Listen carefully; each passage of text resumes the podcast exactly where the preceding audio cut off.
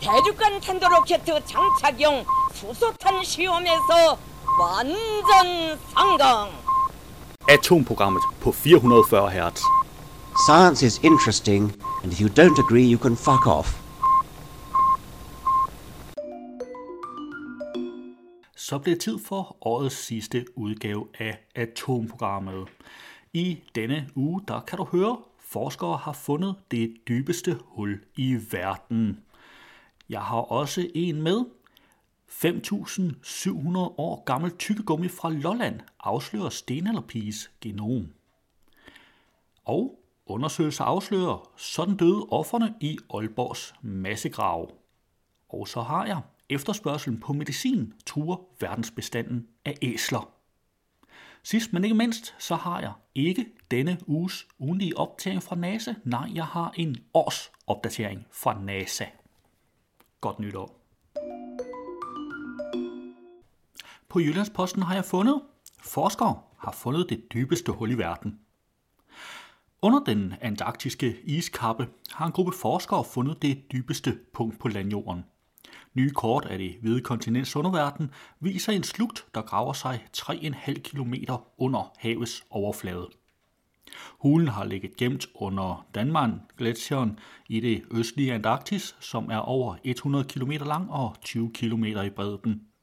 Forskerne har i årvis forsøgt at danne sig et billede af den underjordiske verden, der befinder sig under Antarktis' iskappe. Her har de blandt andet benyttet sig af en blanding af radar og soniske målinger, men de dybe skrænter og, kløftens for, og kløfter forstyrrede målingerne.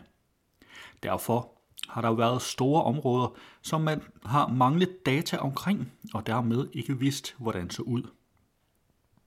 Men med nye matematisk funderede modeller har forskerne fået en helt ny indblik i den antarktiske underverden. Det er de mest nøjagtige billeder af, hvad der ligger under Antarktis' iskappe, siger dr. Matthew øh, Morlingham, der har arbejdet på projektet i seks år. Udover opdagelsen af det dybeste punkt på landjorden, kan de nye kort have stor betydning for, hvordan man skal vurdere ismassetabet forårsaget af global opvarmning, mener forskerne. De nye kort kan være med til at give forståelse for, hvordan isen flytter sig over og under det store hvide kontinent, og hvor meget af det, der vil ende i havet, hvilket er afgørende for, hvor meget vandstanden vil stige i fremtiden.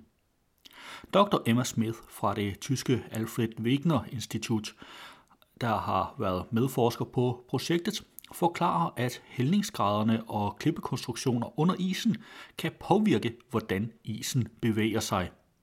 Forestil dig, at du hælder sirup på en flad overflade, og du ser, hvordan den bevæger sig ud af.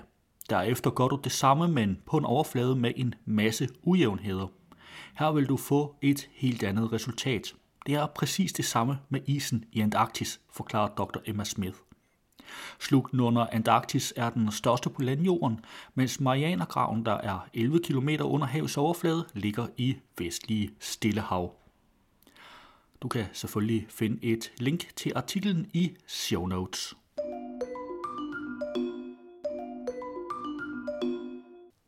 På videnskab.dk har jeg fundet 5.700 år gammel tykkegummi fra Lolland afslører stenalderpigens genom.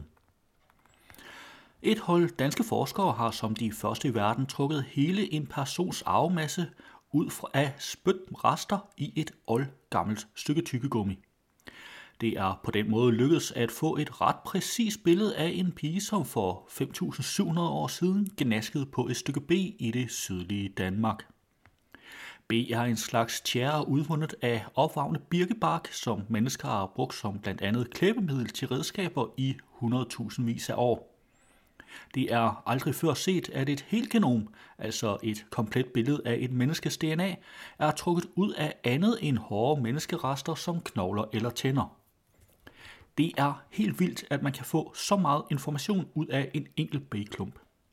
Vi var alle sammen meget overraskede over, at DNA'et var så velbevaret, fortæller Thijs Jensen, postdoc ved Globe Institute ved Københavns Universitet og ophavsmand til ideen om at teste B for DNA. B-klumpen er fundet i forbindelse med udgravningerne til den nye Femern-forbindelse ved Lolland. Forskernes analyser afslører, at det gennemtykkede stykke B er blevet brugt af en pige, som sandsynligvis havde mørkt hud, mørk hår og blå øjne. Genetisk set er tættere beslægtet med jæger-samlere fra det europæiske fastland end med datidens skandinaviske folk eller bønder. Det er interessant for arkeologerne, for den jagende pige har befundet sig på Lolland 300 år efter, at vi pludselig begyndte at bedrive landbrug i Danmark for 6.000 år siden. Det er spændende, for nu kan vi se, at der måske har boet lommer af jæger-samlere, som kan have haft en rolle i omstillingen til agerbrug. Måske har agerbrugerne overført teknologi, og der har været en eller flere synergier øh, mellem indvandrende bønder og jæger-samlere. Men vi skal have mange flere genomer på bordet, før vi kan sige noget mere konkret, siger Thijs Jensen, første forfatter på studiet om opdagelsen, der netop er udgivet i tidsskriftet Nature Communications.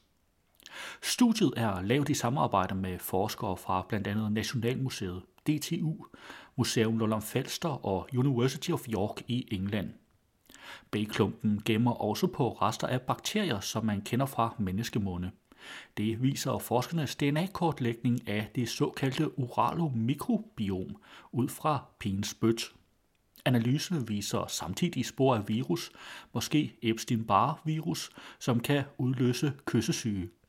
De afslører også en streptokok-bakterie, som kan give lungebetændelse. Desuden har forskerne fundet rester af hasselnød og gråand, som pigen af forskeren Dublola formentlig har spist på selve dagen, før hun kastede sig over tykkegummiet. Det får en forsker, som ikke har været med til at lave studiet, til at kalde opdagelsen fantastisk. Nu åbner sig endnu en mulighed for at finde øh, DNA fra fortidsmennesker, for der er overraskende meget DNA i det stykke B, som de har fundet. Andelen er lige så stor som i de bedste af de knogler, vi finder. Det er ret vildt, bemærker professor Mikkel Heide Skrirup, som selv er forsker i blandt andet genomanalyse på Center for Bioinformatik ved Aarhus Universitet. Jeg er sikker på, at der ligger masser af den slags prøver rundt omkring, så nu behøver man ikke længere lede efter knogler, når man skal have en forståelse af, hvem der har været her før os. Det synes jeg da er fantastisk, udløber Mikkel Heide over for videnskab.dk. Thijs Jensen fra Københavns Universitet spiller selv til. Det geniale ved det her er, at B-klumper ser ud til at blive bevaret enormt godt, også fra perioder, hvor vi ikke har menneskeknogler og der må have været tykket på tusindvis af bageklumper op gennem tiden. Det giver os mulighed for at få en helt anden opløsning til vores billede af menneskets historie, end vi har kunnet få tidligere. Thijs Jensen tilføjer, at spyt sladder om, hvad en person har spist på selve dagen. Det giver et langt bedre indblik i, hvad en person har spist, end de analyser, man typisk bruger i dag, hvor man ser kollagen fra knogler og tænder eller på DNA fra tandsten, plak, som opbygger sig over flere årtier. Den slags giver kun svar på, om personen har levet af føde fra vand eller land. Tykkegummiet giver et snapshot på dagen, det blev tykket, og det kan give os en masse detaljer, vi ikke har haft før, siger Thijs Jensen. Næste skridt i forskningen er at undersøge bækklumper fra Danmark og Sverige, som er op til 11.000 år gamle. Du kan selvfølgelig finde et link til artiklen i show notes.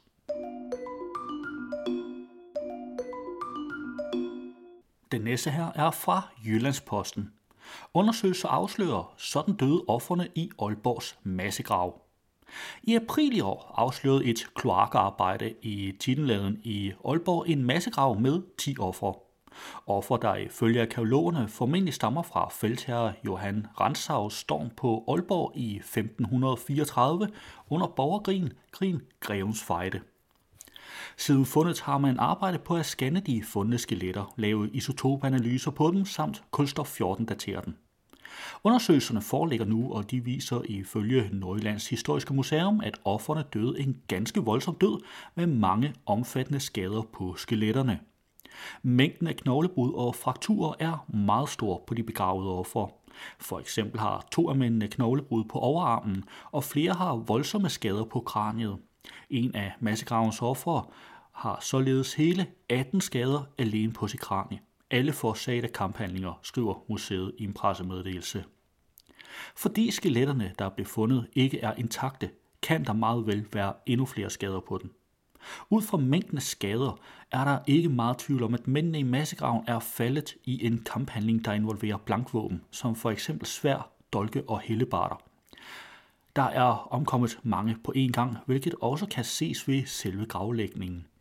Her har man på grund af omstændighederne helt afvedt fra de normale begravelsesritualer, lyder det fra arkeologerne. Ifølge undersøgelserne var ni af offerne med sikkerhed mænd, mens det tiende offer er usikkert. Formentlig dog også om mand. De fleste af dem var mellem 20 og 30 år, men også mænd i 30'erne og 40'erne var blandt offerne. Johan Rantzaus angreb på Aalborg den 18. december 1534 og erobrede den fra Skipper Clement, der havde indtaget den i september samme år. I 2014 blev der i samme område Aalborg fundet en lignende grav. De 18 ofre i den grav blev via DNA-analyse bestemt til at være lokale borgere fra tiden omkring stormen på Aalborg. De seneste fundne 10 skeletter har efter undersøgelserne vist sig at være en del en del af den tidligere fundne massegrav, og også her er de døde mænd fra lokalområdet. Ifølge arkeologerne er de formentlig mænd fra Skipper Clemens bunde her. Du kan naturligvis finde et link i show notes.